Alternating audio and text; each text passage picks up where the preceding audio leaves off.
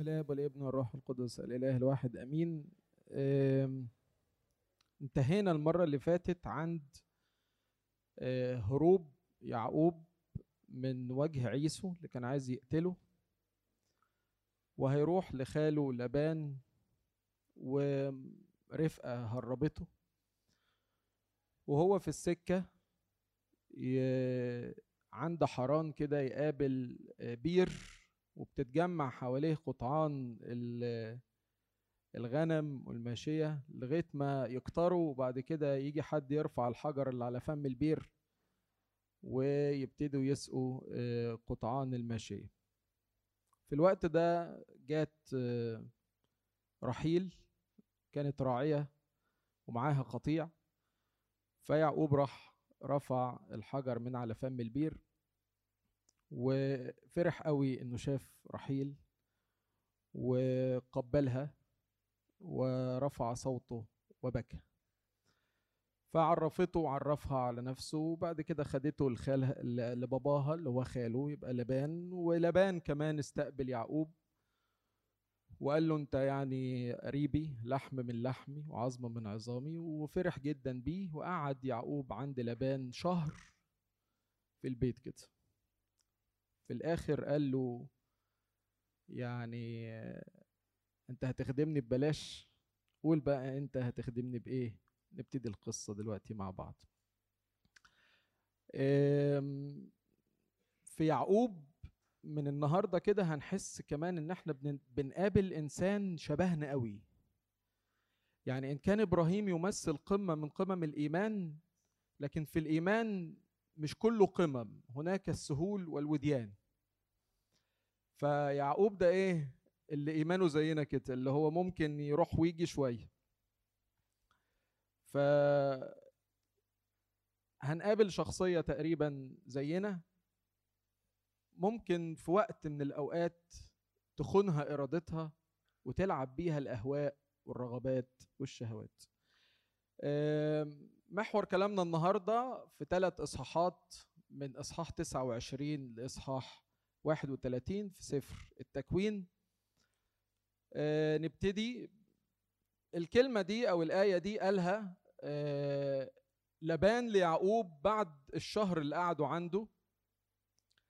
قال له ألأنك أخي تخدمني مجانا أخبرني ما أجرتك. طبعا في في رحلة يعقوب شاف الرؤية بتاعت السلم وكان فيها وعد بالحماية والرعاية. قال له ها أنا ذا معك. الله ده كان بيقول له كده. أحفظك حيثما تذهب أردك إلى هذه الأرض لا أتركك حتى أفعل ما كلمتك به. فيعقوب منطلق ومطمن وواخد وعد كبير بالحماية. فشاف محبة من ربنا. ويبدو إن المحبة دي ملت كمان قلب يعقوب بالحب عشان كده عرف يحب رحيل محبة كبيرة.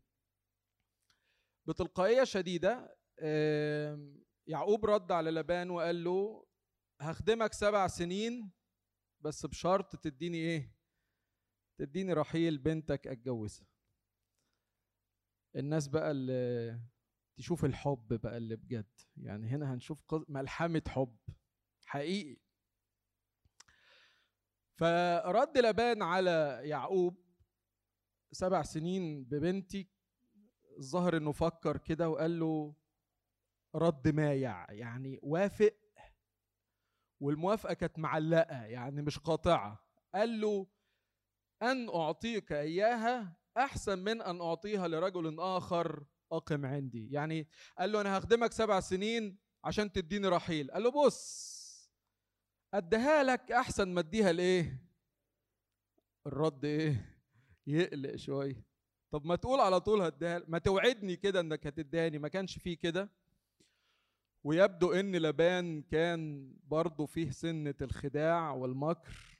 فردوا على يعقوب كان رد لا يخلو من المساومة. يعني برضه هيدخلوا في قصة إيه؟ موضوع المساومة دي. فيعقوب وافق. وقال ماشي خلاص واستعبد نفسه سبع سنين من أجل حبه لرحيل. الكتاب يقول إيه بقى عن السبع سنين دي؟ شوفوا فخدم يعقوب برحيل سبع سنين وكانت في عينيه كأيام قليلة بسبب محبته لها. الحب بيأثر. الحب بيخلي الحاجة الصعبة تسهل. القديسين لما شافوا حب يعقوب لرحيل شافوا صورة للحب اللي بيتخطى الصعاب والآلام والمتاعب. ده ممكن حب يعدي بينا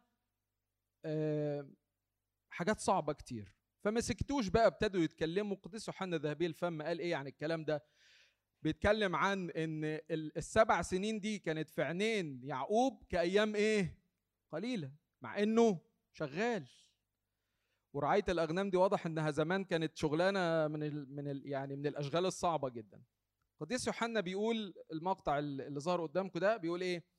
كان هذا الرجل على يعقوب المغرم بحب رحيل قد كرس بالفعل للإقتران بها سبع سنين مليئة بمشقة رعاية الأغنام وأتعابها ولم يتبرم من عبئها طوال فترة هكذا طويلة من التأخير.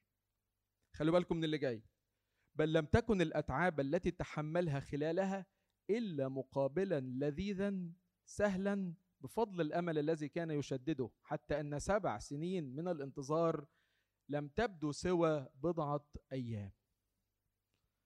يعني الحب بإيه؟ شوف يوحنا ذهبي الفم بقى يروح ناقل الصورة ويقول لنا أي توبيخ لنا نحن المسيحيين الفاترين؟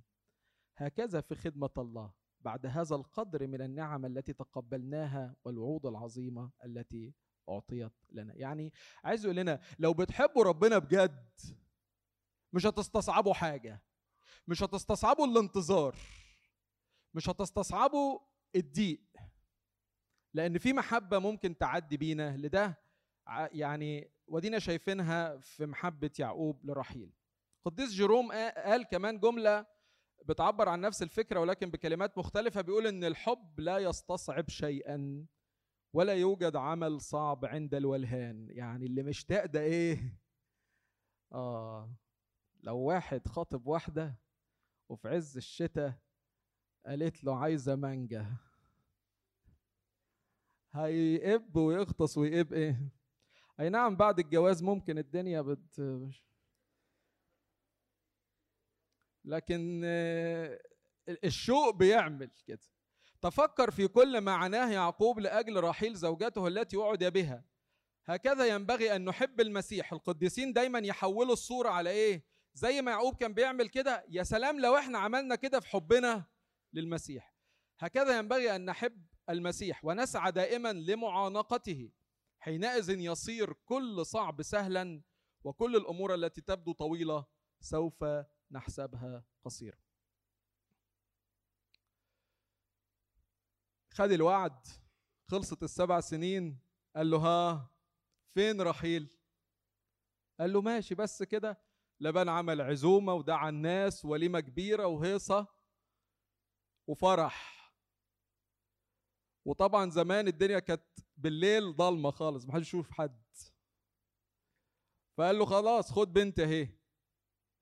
خدها وروحوا واتجوزوا صبح الصبح بيصحيها ليها مين؟ واحدة تاني خالص. وفي الصباح إذ هي ليئة مش عارف لو حصلت مع حد فينا ده يعمل مش عارف. نشكر الله إن في نور الأيام دي. ابتدينا بقى نشعر إنه إيه؟ اللي خدع زمان داخل على إيه؟ إنه يتخدع دلوقتي.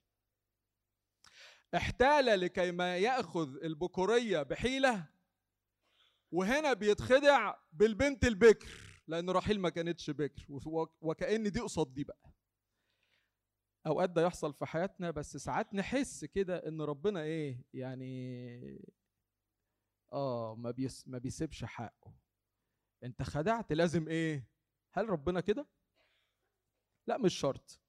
بس ده كان يعني علاج ليعقوب وده هنفهم منه إزاي دلوقتي. إزاي مع وعد بانه ربنا قايل له بصريح العبارة لا أتركك ويسيب لبان يخدعه. طب ما ترك أهو. وده بيحصل لنا كتير أوقات لما نتزنق ما نحس إن ربنا سابنا. لكن هو في الحقيقة ربنا سابه للبان علشان يتعلم عشان يتقوم. سموها تعليم سموها تقويم سموها تأديب سموها زي ما تسموها. بس ربنا ما كانش بيخدع اللي خدع علشان ينتقم منه ابدا. هو كان بيخدع اللي خدع علشان يعلمه حاجة. هو هيفهمها هنا. هو دقها. فهتوصل له فمحبة الله مستترة في أوقات التجارب والضيقات وأحيانا نحس إنه سابنا. لما تحس إن ربنا سابك مع إنه وعدك إنه ما يسيبكش. في كتاب سفر الت... شرح سفر التكوين لدير أبو مقار نقرأ الجمله الفقرة دي. بيقول فإن كان ما أخذه يعقوب بالخديعة الأولى هو حقه المعين له من الله لأن البركة والبكورية دول كانوا يعني كانوا نبوة متقالة لرحيل قبل ما يتولدوا. أي بركة أبيه بنسل تتبارك في جميع أمم الأرض فما أخذه بالخديعة الثانية لا يقل عن ذلك بأي حال. فلي التي تزوجها بالخداع بدلا من رحيل التي أحبها هي أم يهوذا الذي ولد منه المسيح مخلص العالم. وإن كانت رحيل واخدها بخدعة لكن كان برضه جواها إيه؟ عطية حلوة. يعني الخدعة هنا ما كانتش بخسارة ابدا. الخدعة كانت بمكسب. لما نلاقي الأحداث ابتدت تبدو وإنها تسير بخلاف الوعد. قال له لا أتركك وشكله إيه؟ سابه. في الحقيقة أوقات كتير هنتعجب إنها برغم إنها تبدو إنها خلاف الوعد إلا إنها تسير بصورة لتحقيق الوعد بشكل أبهى من اللي كان متخيل في ذهن الإنسان. هو سابه؟ سابوش. ولكن بليئة اللي اتخدع فيها تحقق ما هو أعظم مما كان يتخيله يعقوب قديس كيرلس الكبير يشوف يشوف إن يعقوب يرمز للعريس السماوي. ليه تشير للأمة اليهودية لأنها كانت ضعيفة العينين. واتقال عن الأمة اليهودية أنهم لهم عيون ولا يبصرون. ورحيل كانت بتشير للأمم اللي اتقال عنها الملك اشتهى حسنك ورحيل كانت معروفة أنها إيه؟ إنها جميلة. فجمالها وحسنها كانوا بيشيروا إلى حكمة الأمم في قبولهم للمسيح بالإيمان. والعريس ارتبط بالأختين بعهد وخدم الاثنين بتعب. يعني تعب سبع سنين لأجل مين؟ لأجل ليئة وتعب سبع سنين لأجل رحيل أيضا. ف هو عايز يقول إن يعقوب زي العريس السماوي رمز ليه يعني. فتعب لأجل اليهود لأن تحرير اليهود علشان يعملهم شعب مقدس لله ما كانش بالساهل ده ربنا عانى معاهم كتير. وتعب أيضا لأجل الأمم. وبعد سنوات التعب لأجل اليهود تعب أيضا لأجل الأمم زي ما يعقوب خلص سنوات تعبه لليئة وابتدى يتعب سبع سنين علشان رحيل. يبتدي بقى يقول لنا هكذا ربنا يسوع المسيح الكلمة الذاتي الذي صار إنسانا وأخذ شكل العبد وتألم وجلد وصلب على الصليب لأجل اقترانه بشعبه الذي صار له عروسا بدم العهد. ارتباط النص ده بالمسيح هقراها لكم كده زي ما هي يعقوب يشير للعريس السماوي الذي تزوج من أختين رحيل الحسنة والمحبوبة وليئة ضعيفة العينين والمكروهة وخدم يعقوب لأجل كل واحدة سبع سنين ودي ليها مغزى فتتساوى بذلك المحبوبة والمكروهة ويسوع المسيح أحب العالم كله بذل حياته ليفدي الجميع بما فيهم المنبوذين وغير المحبوبين وبذلك اشترى الجميع بنفس الثمن الذي هو دمه الكريم. وإن كان ليئة كانت مكروهة لكن كان تمنها سبع سنين زيها زي رحيل الإيه؟ زي رحيل المحبوب. طب ربنا يعمل إيه مع الناس المنبوذين وغير المحبوبين والمكروهين؟ يقول كده الكتاب ورأى الرب أن ليئة مكروهة ففتح رحمها وأما رحيل فكانت عاقرا. يوحنا زبيل فم يشرح ويقول انظر حكمة الرب اللطيف الخبير. لما كانت الواحدة قد جذبت لب راجلها إليها بحسنها وبهائها والأخرى فاقدة لذلك. فقد أنهض هذه للولادة ومنع هذه منها ودبر الأمرين معا تدبيرا يناسب تمام رحمته. رغبة في ان في أن تتعزى هذه بالولد فتستميل الرجل إليها من أجله وألا تتبجح أختها عليها لفرط جمالها. يعني عايز يقول إيه؟ ربنا شوفوا قد إيه مع المكروه ومع المنبوذ. عوضه بحاجة. فتح رحم ليئة وخلى رحيل عاقر. عشان ليئة تتعزى بولادة الإيه؟ الأولاد وتجذب إليها رجلها لأن ما عندهاش جمال فبقى عندها إيه؟ بقى عندها أولاد. ورحيل ما كانش عندها أولاد وكانت عاقر لأنها كانت جميلة. فربنا عوض دي عن دي في عبارة جميلة بقى بتقول كده إن أخذت رحيل نصيبها حبا من رجلها. أما لي المكروه منه فقد أخذت نصيبها من الرب. يعني وكأن ربنا يجي يقف جنب مين؟ جنب المنبوذ جنب المكروه. المحبوب يلاقي حظه وسط الناس المنبوذ يلاقي حظه مع مين؟ يلاقي حظه مع ربنا. هختم الكلام في إصحاح 29 عن تأمل جميل جدا للأب متى المسكين في الإصحاح ده. في بداية التأمل هو بيكلم يعقوب بيقول له إيه؟ بيقول له ما ذنب لي في أن عينيها ضعيفتان أمن أجل ضعف عينيها ترفضها؟ وأنت كم شيء فيك ضعيفا؟ يعني أنت شفت الضعف اللي في الآخر رفضتها عشان الضعف اللي فيها؟ طب أمال أنت فيك إيه؟ إنك تفرح لما ترى أن قوة الرب تظهر في الضعف لأنك ضعيف. لما يكون عندي ضعفة وربنا يقويني بفرح. الله ده ربنا قوته في الضعف تكمل. لكني لا أراك تفرح برضه لسه بيكلم يعقوب. وتقبل ضعف الآخرين كما اطمأنيت لضعفك. يعني أنت مطمن إن في ضعفك ربنا هيسندك. لكن لما تشوف ضعفة في الآخر بتعمل إيه؟ تمسكها عليه. أو تنبذه بسببها. إن الله دائما مستعد أن يقبل ضعفك. إن قبلت ضعف الآخرين. مش هشرح كتير لأن التأمل واضح. الله يعوضك عن القوة التي فقدتها من أجل تقوية ضعف الآخرين. لو أنا بذلت علشان أقوي ضعف حد القوة دي ما بتضيعش. اسمعوا اللي جاية دي. لا تحتقر الضعيف لأن مسره الله في الضعفاء. فاحذر لئلا تحتقر الله. كلام بقى على لسان ليئة بتقول كده أنا ليئة المحتقرة المرزولة. قد أخرجت من أحشاء يهوذا. شوف بقى الضعيف يبتدي إيه؟ لما قوته بربنا تبان. أنا ضعيفة العينين خرج من أحشائي من عيناه. من عيناه؟ تخترقان أستار الظلام. لو أنا ضعيفة لكن نسلي هيجي منه من عيناه تخترق أستار الظلام. أنا رذلت من أجل ضعف نور عيني لكن خرج من نسلي نور العالم وشمس البر. السبع سنين الأخر ليتساوى ثمن المحبوب لدينا والمرفوض منا. سبع سنين ثمن اختيارنا وسبع سنين أخر لاختيار الرب. هو جهاد وعرق نصفه لنرضي أنفسنا والنصف الآخر لنرضي الرب. لكن نصيب الرب ضعف نصيبنا. فليئة أنجبت ثمانية ورحيل أربعة مع جواريهما. نصيب الرب يبقى ونصيبنا يذبل فليئة عاشت ورحيل ماتت في الطريق. نصيب الرب لإعالة أرواحنا إذ جاء منه المسيح ونصيبنا لإعالة أجسادنا بيوسف. يعني عايز يقول إن ليئة اللي خدها كده يعني ربنا اللي سمح إن يعقوب ياخدها هي اللي جابت المسيح اللي خلص البش البشرية. فالخلاص هنا روحي. لكن رحيل هي اللي جابت يوسف وده اللي خلص شعب إسرائيل من المجاعة. ده المقصود به نصيبنا لإعالة أجسادنا بيوسف.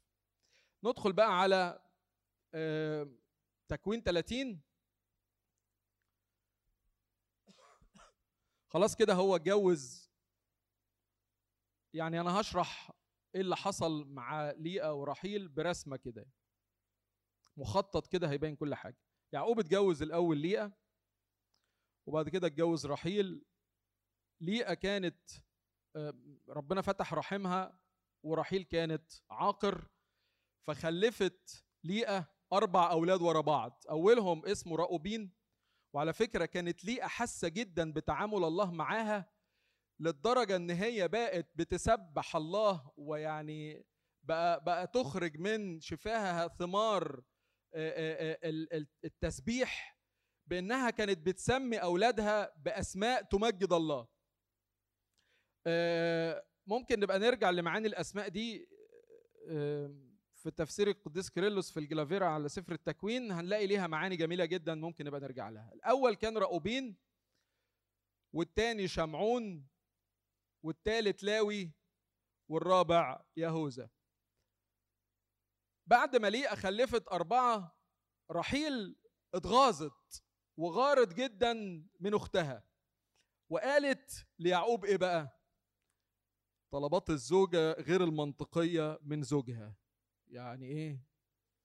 آه قالت له بص هب لي بنينا وإلا أموت.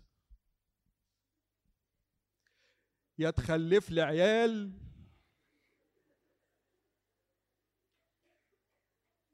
ماليش دعوة. فطبعا يعقوب واضح إنه كان زوج عصري فغضب وحمي غضب يعقوب على رحيل. وقال لها إيه؟ ألعل مكان الله الذي منع عنك ثمرة البطن.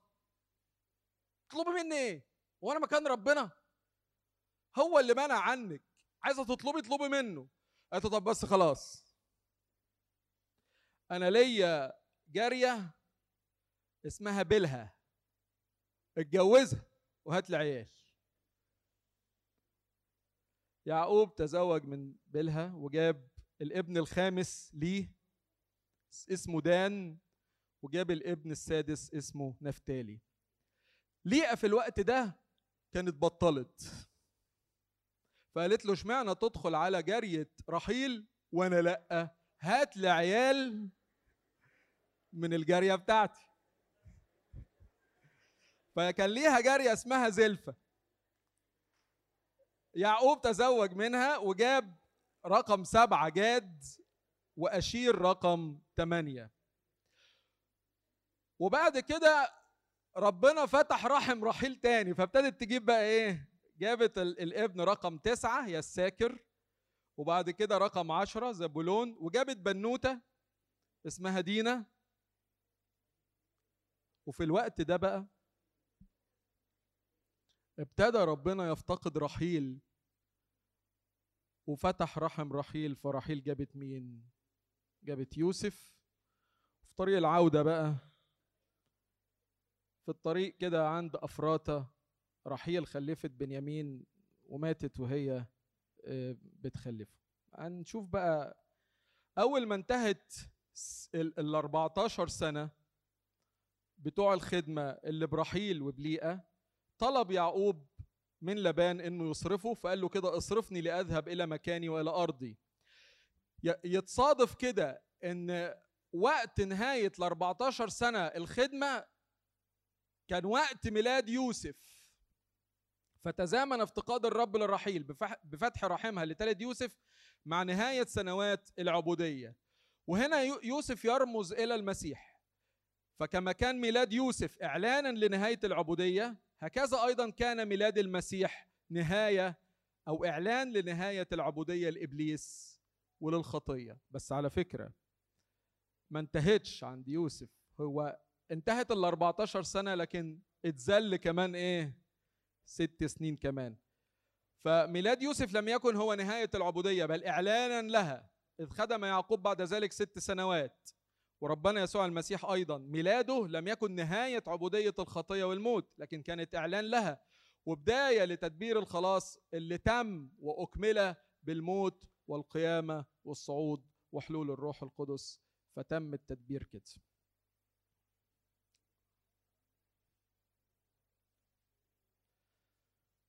خلاص خلص ال 14 سنة. فهيمشي. لبان. كان مدرك تماما إن خدمة يعقوب ليه كانت سبب بركة ليه. وهو اعترف بكده وقال باركني الرب بسببك. فالمفروض من لبان إنه يعني يقدر سنين الخدمة ويدي أجرة كويسة ليعقوب. لكن هو مش قادر إيده قصيرة إنها تدي. بخيل. الحب عنده قليل قوي فقال له عين لي أجرتك فأعطيك. عايز كام؟ ويظل يعقوب محتفظ ب يعني إيه طيب خلقه. وقال لا تعطيني شيئا إن صنعت لي هذا الأمر أعود أرعى غنمك واحفظها قال له يعني وصلوا لاتفاق إنه بص انت امشي وسط الغنم يعقوب بيقول للبان اللي تلاقيها منقطة واللي تلاقي لونها مش عاجبك وزمان يعني كانوا بيقولوا إنه المنقطة واللي لونها غريب والمخططة دي بتبقى أضعف من اللي لون واحد. قال له اديني بقى إيه اديني المخطط والمنقط وال وخلي الحلو ليك. فكانت الغنم المستضعفة هي نصيب يعقوب والغنم القوية كانت لمين؟ كانت للبان. وقعد يخدم يعقوب ست سنين تاني علشان الغنم. دي ليها بقى يعني القديس كيرلس الكبير بيقول حاجة جميلة جدا جدا. أنتوا عارفين الغنم ده عمل فيه إيه يعقوب؟ الضعيف ده.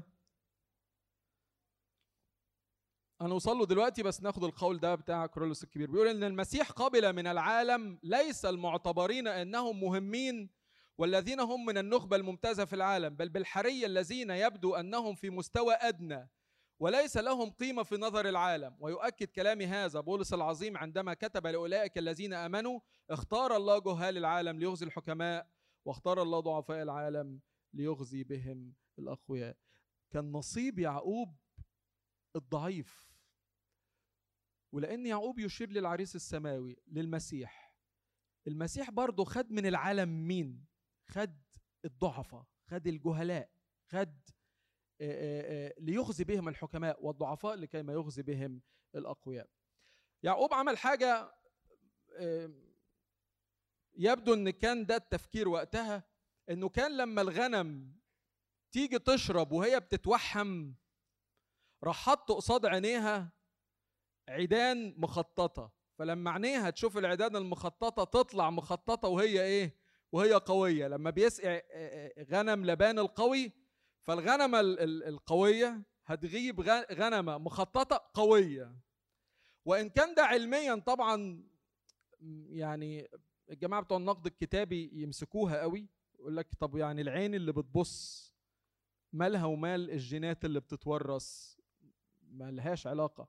عشان كده الفكرة ما كانتش علمية قد ما هي كانت بركة ربنا. الخطة دي نجحت مش لأنها علميا تنفع لأن دي معجزة من الله مش أكتر.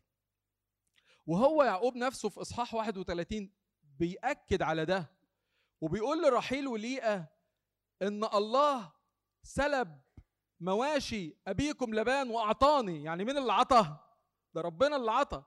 ورأى في رؤية كمان إن الفحول الصاعدة على الغنم البلقاء والمنقطة هتبقى قوية. فدي عمل الله وليس يعني ده مش مش علم يعني مش مش بطريقة علمية. نجحت خطة يعقوب في أن يجعل غنم لبان القوية تلد مخططات وبلقاء بالرغم أن موضوع توحم الغنم ده يعني ليس له علاقة بالشكل العلمي لكن هي بركة الرب تغني ولا يزيد معها تعب. في إصحاح 31 خلصت العشرين سنة وفي يوم من الأيام لبان كان مشغول في جز غنمه فراح يعقوب خد ليه أو رحيل والجريتين والولاد وكل الثروة بتاعت الغنم وابتدى إيه؟ يهرب. بعد مسيرة ثلاثة أيام لبان ياخد باله. فيطلع يطارد مين؟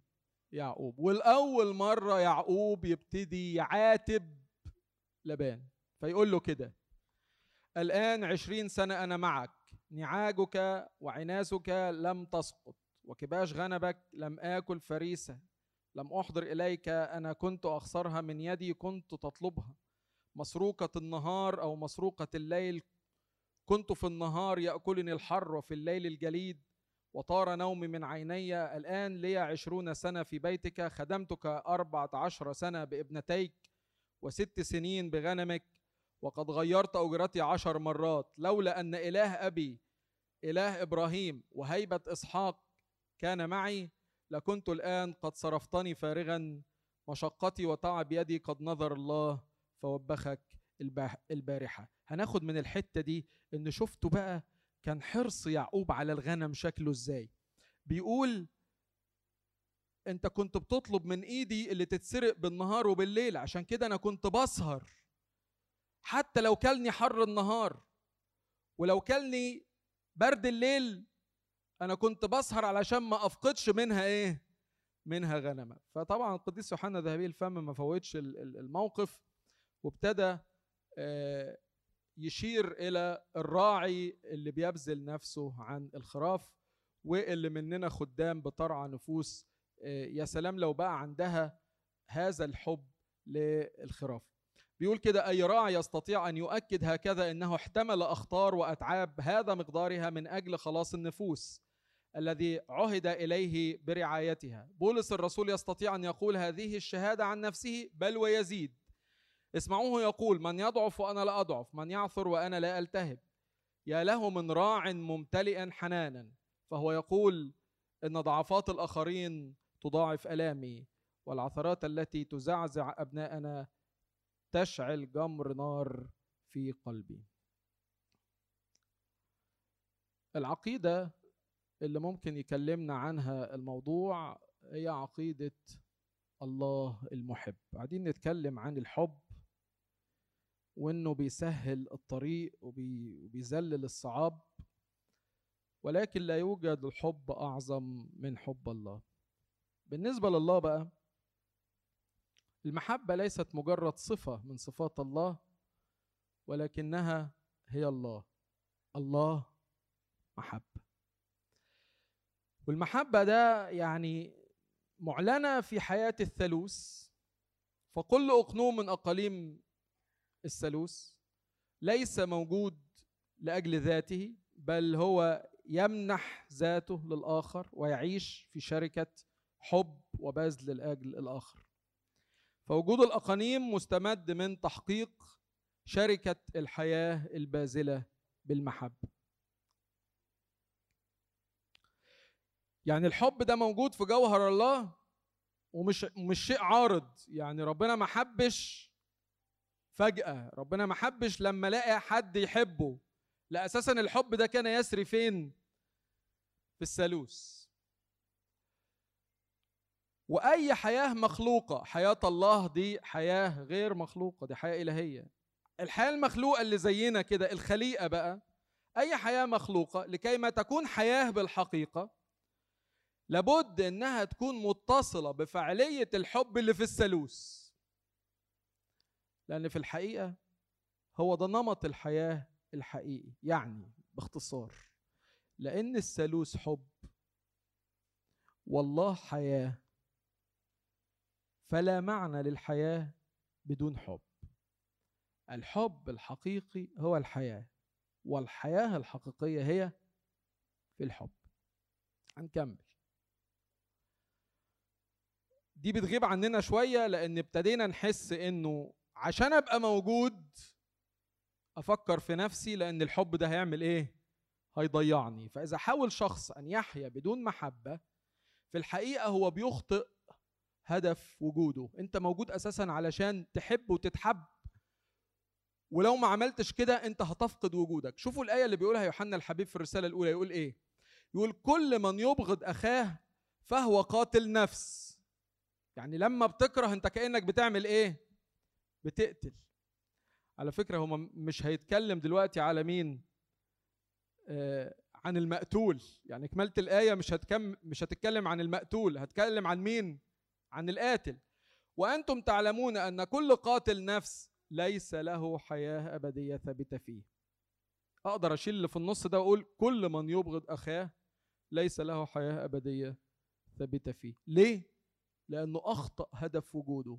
انت علشان تبقى موجود وجود حقيقي وحياتك تبقى حياة حقيقية لازم تكون حياة في الحب. محبة الله لخلقته هي محبة منسكبة علينا من محبة الأقانيم في الثالوث القدوس. وفي يوحنا 17 الابن كان يقول للأب كده ليكون فيهم الحب الذي أحببتني به.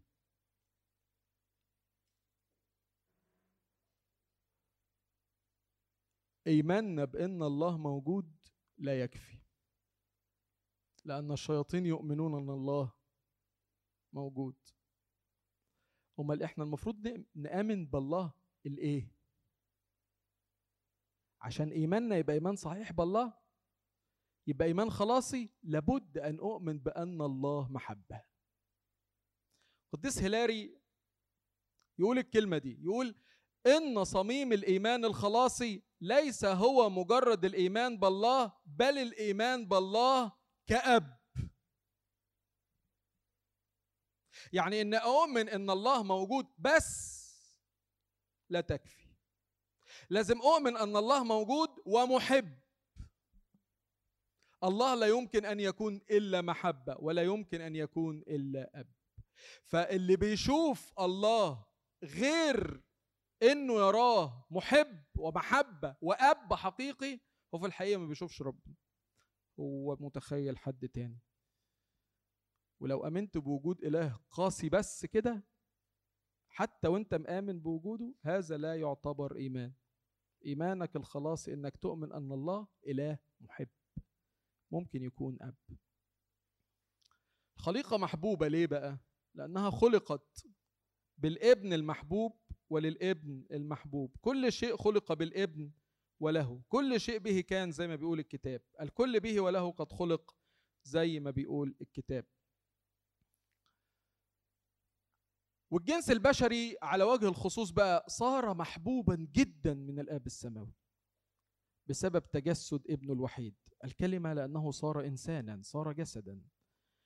فبقى حب الله للإنسان حب كبير جدا. على فكرة محبة الله للإنسان مش واقفة على وضعه. هو بيحب الإنسان سواء كان مؤمن أو غير مؤمن سواء صالح أو شرير. يعني لما نكلم الخاطي نقول له ربنا بيحبك إحنا مش بنضحك عليه. ده فعلا هو حب الله كده.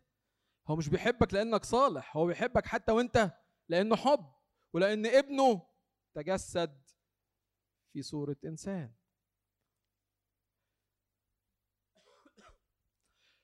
باختصار الآب لا يحب إلا ابنه الوحيد. وليس له إلا ابن وحيد محبوب. إزاي بقى تقول لي إن أنا أبقى ابن الله ومحبوب؟ طب إزاي؟ دي هتيجي من لقبين خدهم المسيح أو يعني اتقالوا على المسيح في العهد الجديد. يبدو إن هم متناقضين. لقب اسمه μονογενής. ο μονογενής يعني الابن الوحيد. ولقب تاني باليوناني اسمه πρωτότοκος.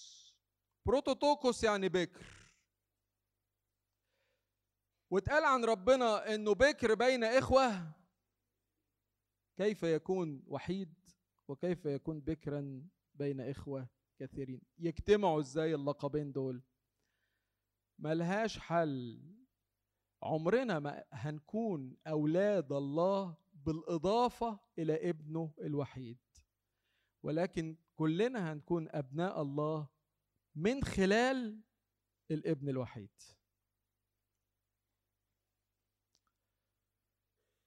وبالتالي بقى لما أكون محبوب الله من خلال ابنه ده مستوى تاني خالص خالص خالص من المحبة. أنا محبوب لأني في ابنه فبتحب بمحبة الابن. ولما آجي أقدم محبة للآب أنا بقدمها بمحبة الابن للآب. وهنا المنظور يختلف خالص. عندما نكون أبناء الله لا نكون له أبناء بالإضافة لابنه الوحيد لكننا نكون أبناء من داخل الابن الوحيد. لنتمتع فيه بمحبة الآب ونقدم نحن أيضا حبنا للآب داخل محبة ابن الوحيد. قلوبنا الترابية ما تعرفش تقدم محبة لله أساسا. فلازم تكون المحبة متقدمة في الابن عشان تكون محبة تليق بالله. وحسب كلام القديس أثناسيوس يقول لا يوجد تبني بمعزل عن الابن. مفيش حاجة اسمها نكون أبناء الله بمعزل عن يسوع المسيح ابنه الوحيد.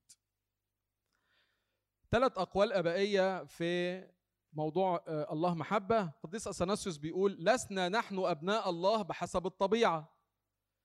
بل هذا يخص ابن الله الذي فينا. هو مش المسيح ساكن فينا؟ وبالمثل ليس الله الآب أبا لنا بحسب الطبيعة لكنه أب للوغوس الذي فينا. يعني هو أب للمسيح اللي إيه؟ اللي فيا. الذي فيه وبواسطته نحن نصرخ يا آبا الآب. عرفتوا ليه إحنا بنقول يا آبا الآب؟ وهكذا الذين يرى الله فيهم ابنه الخاص فهؤلاء يدعوهم أيضا بنين له. يعني أنا مدعو ابن لأن الآب رأى فيا صورة ابنه الوحيد. ده بحسب كلام القديس. أثناسيوس القديس كورولوس يقول حاجة مشابهة يقول إذا رأى الآب معالم ابنه الخاص المولود منه واضحة فينا يحبنا نحن أيضا كأبناء له ويمجدنا ويشرق علينا بالكرامات الفائقة لهذا العالم. حب الله ظهر على الصليب. عشان كده القديس أغناطيوس الأنطاكي شاف إنه لما بيشرب دم المسيح في الإفخارستيا هو يشرب حب الله. وقال كده في الرسالة لروميا الشراب الذي أشتهيه هو دمه الذي هو الحب الذي لا يفنى. آخر حاجة آه، الفصول يعني الإصحاحات اللي مرينا عليها دلوقتي ممكن نلاقيها فين؟ في صلوات الكنيسة. فالارتباط الليتورجي هنلاقي في خدمة صلاة الإكليل بتتصلى طلبة بعد قراءة الإنجيل. أبونا بيقول فيها كده يا من بارك يعقوب في زواجه وجعله وارثا للموعد نسألك يا رب اسمعنا وارحمنا. وكأن أبونا بيطلب لأجل العريس خلي عندك الحب اللي كان عندي يعقوب لمين لرحيل يعدي بيه الصعب. وكأنه بيحط نموذج المحبة ده قدام الزوجين علشان يكملوا بيهم آه، بيه حياتهم الزوجية. ارتباط تاني وأخير آه، إصحاح 30 و 31 مذكور فيه أسماء أبناء يعقوب ودول أباء الأسباط. يعني كل واحد فيهم كان هو الأب بتاع السبط اللي, اللي تحتيه. وفي ليلة أبو غلمسيس زي ما أنتم عارفين بنقرأ سفر الرؤيا كله. سفر الرؤيا في إصحاح سبعة يبتدي يذكر الأسباط دي بس بترتيب مختلف. وبين كل ثلاث أسباط والثلاثة اللي وراهم يرد مرد ليه نغمة كده معروفة ومميزة لليلة أبو غلمسيس ليه الأسباط ترتيبها اختلف؟ يعني هنقول ملحوظتين صغيرين جدا. سبط يهوذا بيذكر أولا مع إن البكر راؤوبين لأن بعد كده إيه؟ آه الدنيا اختلفت وبقى يهوذا هو آه اعتبر بكرا لأن منه آه صار آه يسوع المسيح. سبط دان ما بيتذكرش خالص. في الأسباط المذكورة في سفر الرؤيا لأنه باع نفسه لعبادة الأوثان والسبط خلاص آه، يعني آه، ضاع يعني. وده وده إشارة لأنه بيبعد عن الله كأنه بيمحى اسمه من سفر الحياة. وفي تقليد يهودي آه، على لسان القديس إرينيوس بيقول إنه ضد المسيح سوف يأتي من سبط دان. القديس إرينيوس كان يعتقد إن من سبط دان هيجي ضد المسيح علشان كده السبط ده ما تذكرش في سفر الرؤيا.